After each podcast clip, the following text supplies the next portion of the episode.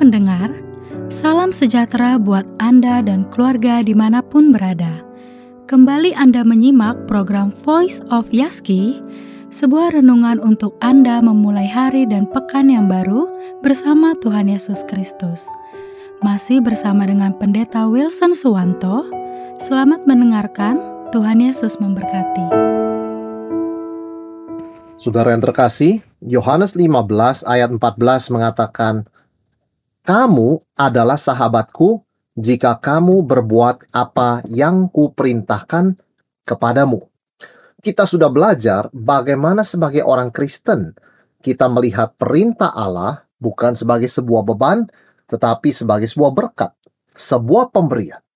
Karena perintah Allah, seperti kita sudah pernah bahas, menyatakan isi hati Tuhan yang mau dekat dengan umatnya.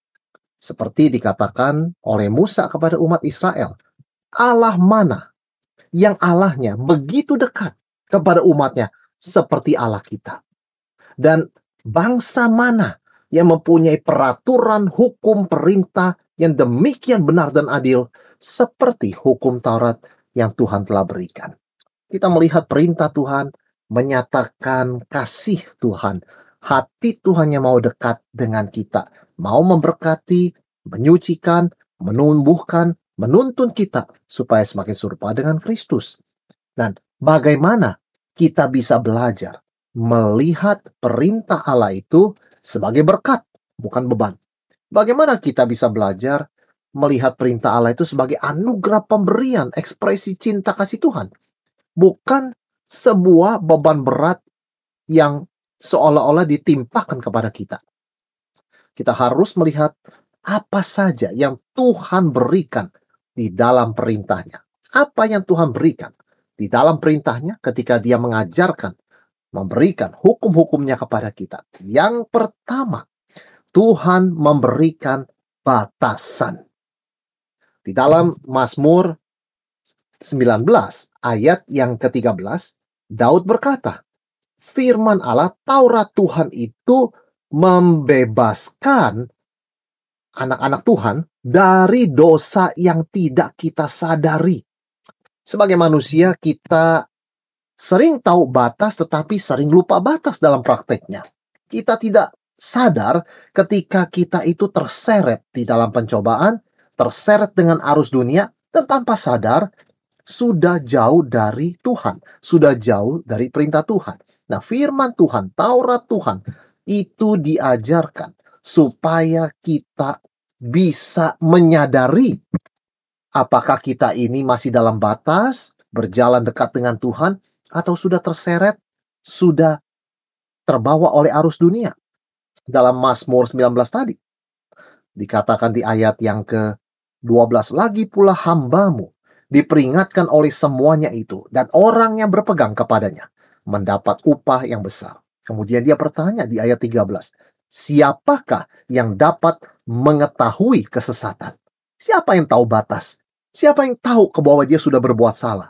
Bebaskanlah aku dari apa yang tidak kusadari. Bapak Ibu Saudara sekalian, kita sering sulit membedakan apakah kita masih berjalan dalam kebenaran atau sudah melenceng. Bukannya kita tidak tahu, kita tahu hukum Tuhan. Kita tahu prinsip firman Tuhan.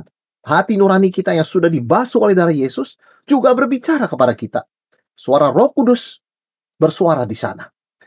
Tetapi sering kita menekan suara itu, sering kali kita mengabaikan semua itu karena ada daya tarik dunia yang menawarkan, menjanjikan kenikmatan.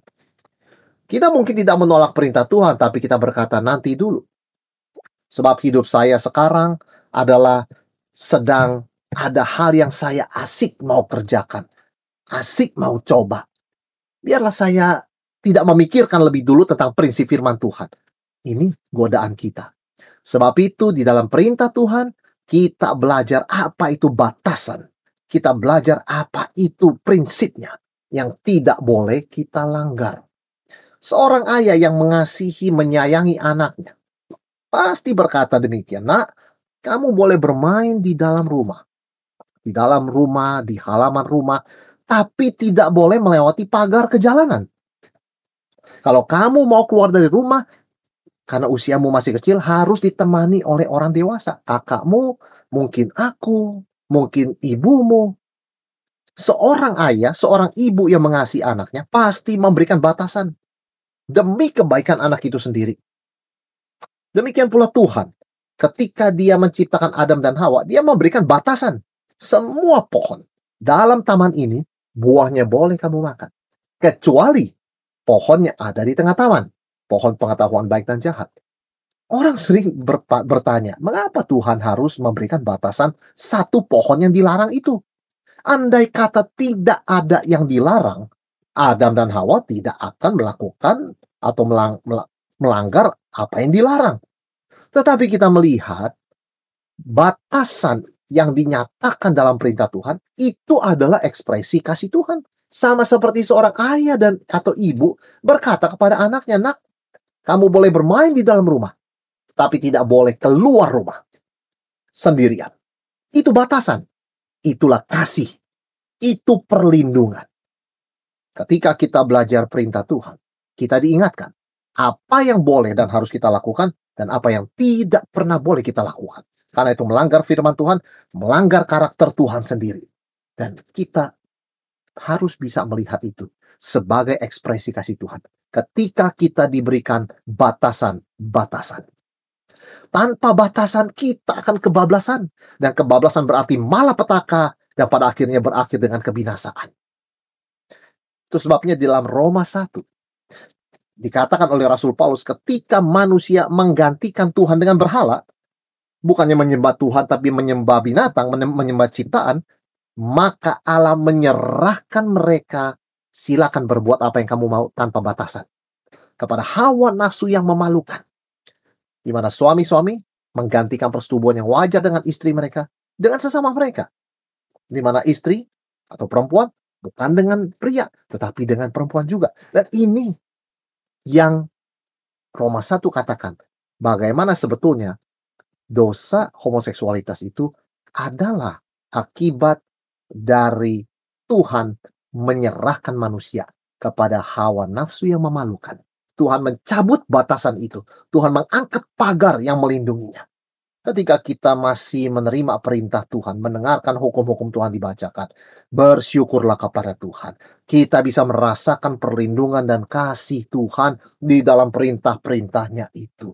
Dia melindungi kita dari hawa nafsu kita yang sering tidak ingat batas. Dia melindungi kita dari pengaruh dunia yang secara rahasia sering kali merangkak masuk dan mempengaruhi pikiran hati kita. Perintah Tuhan itu menjaga kita. Perintah Tuhan membebaskan kita dari hal yang kita tidak sadari yang membuat kita tanpa sadar terseret dengan arus dunia dan dosa. Perintah Tuhan memberikan batasan. Batasan itu bukanlah ekspresi sekedar membatasi kita, tapi itu ekspresi cinta, kasih, dan perlindungan Tuhan. Dan kita harus bisa melihatnya seperti itu.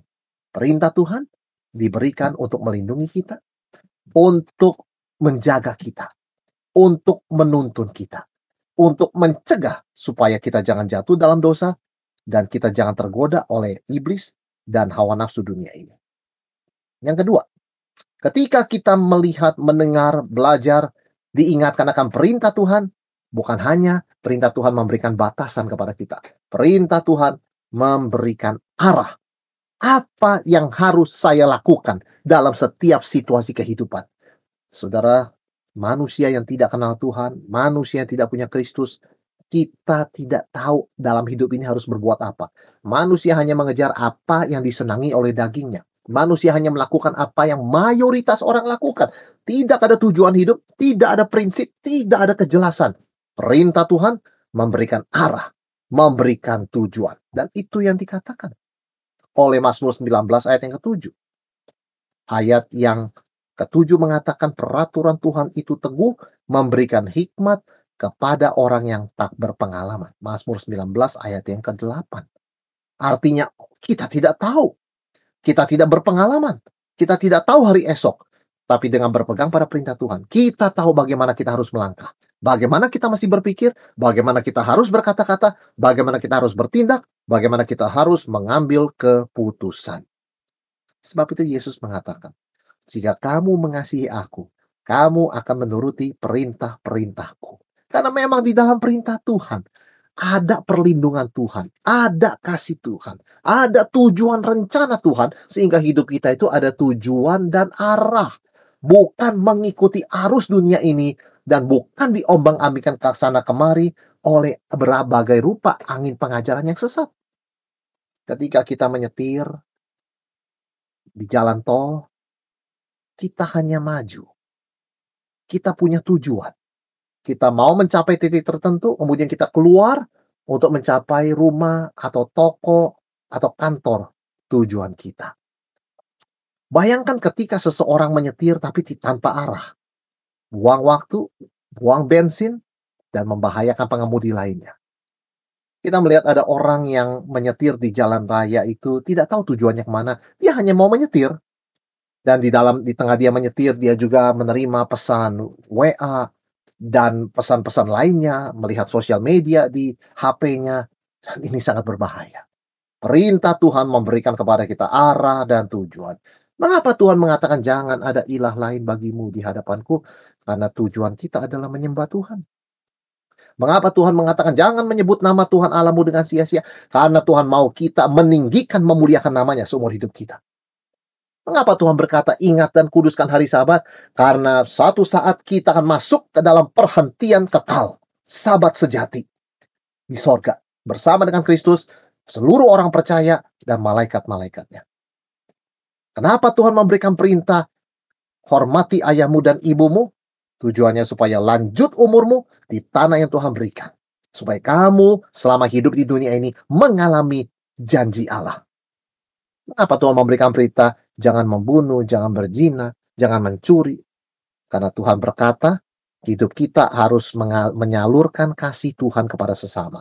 Kalau kita mengasihi sesama seperti diri kita sendiri, seperti kita mengasihi Tuhan juga dengan segenap hati, kita tidak mungkin mau melukai saudara kita. Mencuri, berzina, membunuh, bersaksi dusta, mengingini apa yang menjadi kepunyaannya. Semua itu sangat jelas dari Tuhan. Dan ini yang kita belajar betapa besarnya kasih Tuhan yang bisa terlihat di dalam perintah-perintahnya. Apalagi selain batasan dan selain arah yang kita dapatkan dari perintah Tuhan. Yang ketiga, peringatan. Dalam Mazmur 19 ayat yang ke-11 dikatakan, lagi pula, ayat ke-12, lagi pula hambamu diperingatkan oleh semuanya itu. Dan orang yang berpegang padanya mendapat upah yang besar. Kita senang, kita merasa tenang ketika kita menyetir di satu jalanan yang banyak rambu-rambu petunjuk-petunjuk lalu lintas. Berapa kecepatan kita ketika memasuki jalan tol, berapa kecepatan kita ketika jalan itu menikung ke kanan atau ke kiri, dan kita melihat ada lampu merah, itu semua peringatan supaya kita jangan kelewat batas, melampaui batas kecepatan. Tuhan memberikan perintah untuk memperingatkan kita setiap saat. Jangan jatuh ke dalam dosa. Darah Yesus sudah membasuh dosa kita. Yang selama ini melanggar hukum Tuhan. Tapi dengan darahnya kita disucikan. Dengan kesucian kekudusan ini. Kita boleh memperhatikan peringatan-peringatan Tuhan. Orang yang tidak kenal Tuhan. Menertawakan perintah Tuhan menertawakan peringatan Tuhan.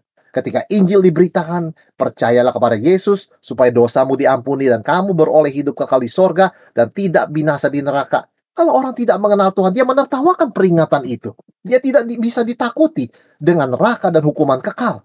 Tetapi di situlah kebutaannya. Dia tidak bisa melihat bahaya yang sedang mengancam jiwanya secara kekal. Dan ketika mata kita dicelikan oleh roh kudus, kita bisa melihat betapa perintah Tuhan sangat berharga. Karena dia memberikan kepada kita peringatan. Kita orang percaya, jangan ikut dunia. Kita milik Tuhan, jangan ikut siasat iblis. Jangan sampai menjadi korban daripada pencobaan dan tipu muslihat iblis. Kita anak Tuhan. Kita menang di dalam Kristus. Jangan menuruti keinginan hawa nafsu di dalam diri kita. Katakan tidak, menyangkal diri, mematikan segala keinginan daging, mengikuti pimpinan roh, dan mematikan segala perbuatan tubuh. Seperti yang dikatakan dalam Roma 8 ayat yang ke-13. Dan itu sebabnya peringatan-peringatan dari perintah Tuhan sangat berharga karena kita manusia sering lupa, mudah lupa, khususnya ketika keadaan kita lancar. Tuhan memperingatkan umatnya Israel di dalam ulangan 8 ayat 10 sampai 11. Ketika engkau sudah makan dan menjadi kenyang, pujilah Tuhan Allahmu atas segala berkat dan kebaikan yang diberikan di tanah perjanjian itu. Lakukan ini supaya kamu tidak lupa akan Tuhan dan kamu tidak lagi melakukan perintah Tuhan. Kita mudah menjadi lupa ketika perut kita kenyang, badan kita sehat. Perjalanan kita lancar itu sebabnya perintah Tuhan sangat perlu.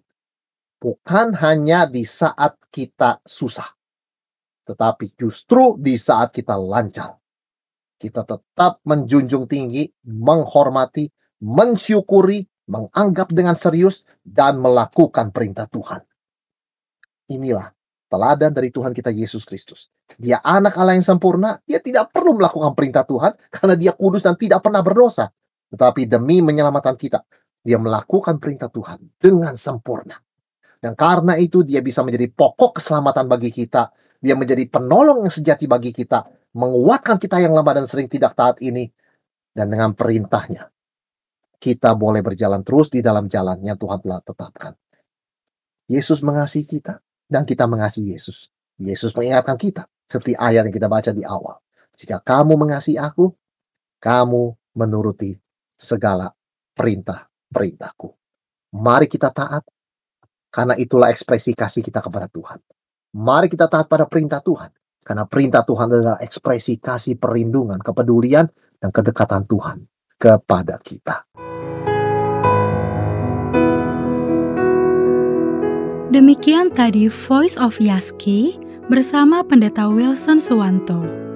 Anda bisa kembali mendengarkan episode kali ini melalui Spotify Voice of Yaski atau Anda juga dapat mendengarkan, membagikan, bahkan mengunduh episode-episode Voice of Yaski lainnya melalui podcast Yaski di podcast.yaski.co.id. Terima kasih sudah mendengarkan. Salam sehat selalu dan Tuhan Yesus memelihara Anda dan keluarga.